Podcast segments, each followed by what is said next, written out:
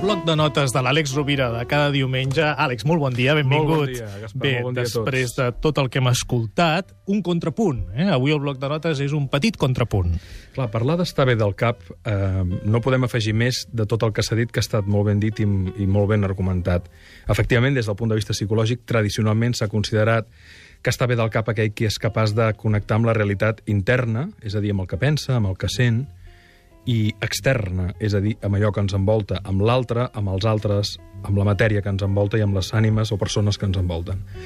Però clar, què vol dir la paraula realitat? Això ens portaria en un punt que potser és interessant. Històricament, sobretot en el terreny de la ciència, però també en altres disciplines, s'ha considerat bojos aquells que han vist la realitat externa o interna de manera diferent. El senyor, el doctor Servet, va morir cremat eh, per postular que la sang circulava pel cos. Um, hi han hagut des d'excomunions fins a expatriacions, fins a tortures o morts, aquells que han dit que la Terra no era el centre de l'univers, o fins i tot s'han considerat bojos aquell savi Albert Einstein que deia que l'espai i el temps són relatius eh, a l'observador i a la velocitat en el que s'observa.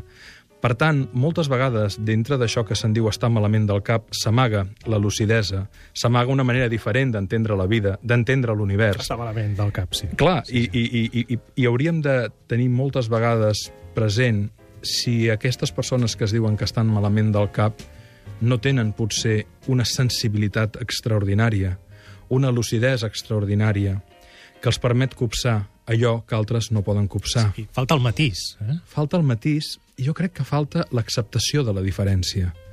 Molts dels grans genis de la història, homes i dones que han fet grans contribucions a la medicina, a la física, a la matemàtica, en el món de l'empresa, en, el, en el món de la bellesa, en l'art, han estat persones considerades boges perquè no s'adaptaven a un patró o a un paradigma, a un motllo, i això ho explica molt bé Sir Ken Robinson al llibre L'element, que en aquell moment no era l'imperant.